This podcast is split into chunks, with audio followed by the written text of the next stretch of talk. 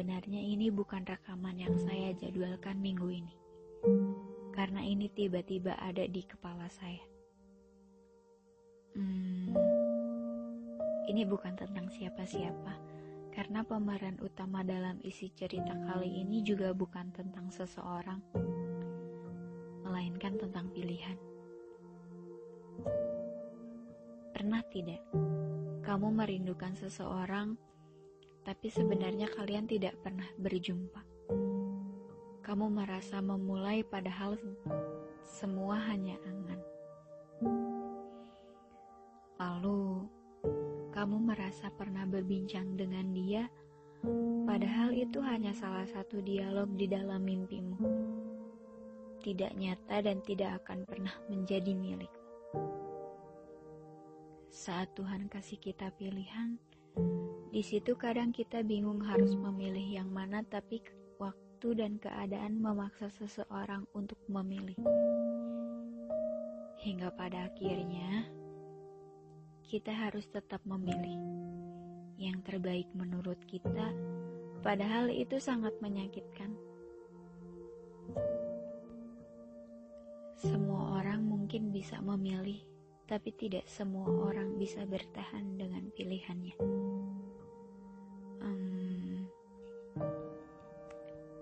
Saya juga pernah memilih,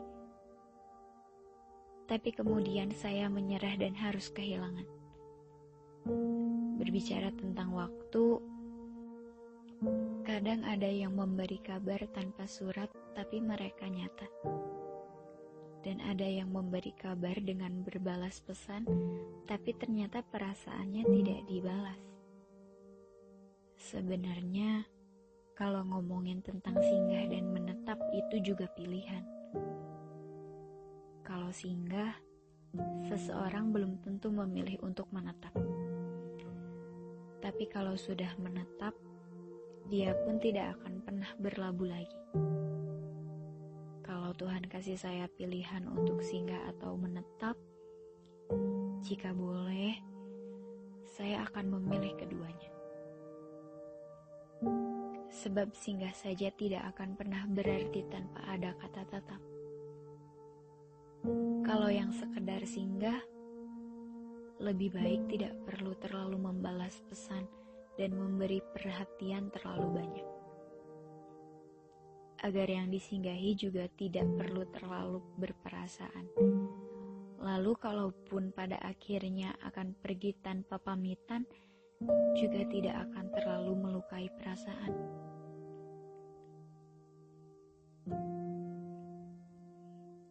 Hanya perlu sedikit lebih belajar untuk membedakan rasa nyaman dan rasa senang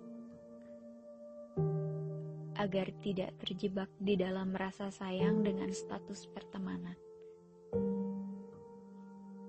Biar kita juga sama-sama paham, kalau yang memberi coklat di hari Valentine pun juga bukan berarti memiliki perasaan ataupun membalas perasaan.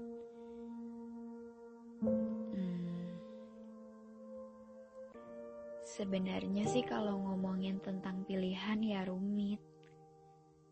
Karena seseorang juga tidak bisa kita paksa untuk melakukan apa yang kita mau. Dan Tuhan,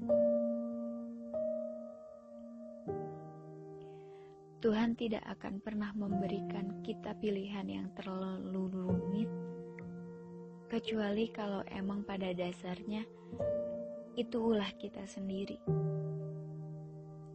Karena tidak semua yang kita inginkan Tuhan iakan. Tidak semua mimpi bisa tercapai begitu saja, dan tidak semua hati memiliki perasaan yang sama. Hmm. Terus, yang lebih mengecewakan bukan tentang pilihannya, tapi mengenai apa yang akan terjadi nantinya setelah yang dipilih ternyata tidak sesuai dengan dugaan dan harapan.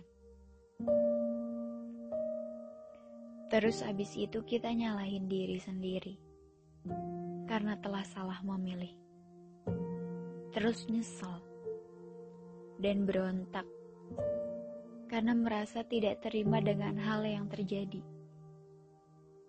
Udah itu murung dan gak senang lagi.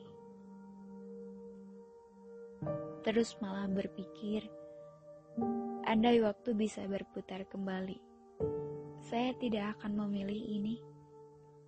Andai keadaan bisa lebih bersahabat dan memberi jalan keluar untuk saya tapi nyatanya tidak seperti itu. Karena ketika kita disuruh memilih, kadang penyesalan juga turut serta meramaikan suasana. Kalau Tuhan kasih kamu kesempatan untuk memilih lagi, kamu akan memilih yang tidak kamu pilih sebelumnya. Terus abis itu nyesel lagi. Karena pilihan itu juga tidak sesuai dengan apa yang diharapkan.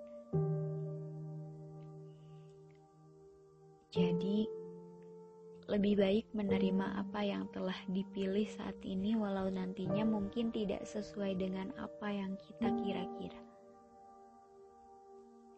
Tapi paling tidak, kita berhenti menyalahkan diri kita sendiri dan mencoba mengikhlaskan agar semuanya baik-baik saja. Juga merelakan agar bisa menjadi lebih tenang dan bisa menjadi biasa saja nantinya. Kalaupun harus menyesal, itu adalah konsekuensi yang harus kita terima. Karena baik buruknya sesuatu yang kita pilih itu tergantung pada diri kita sendiri.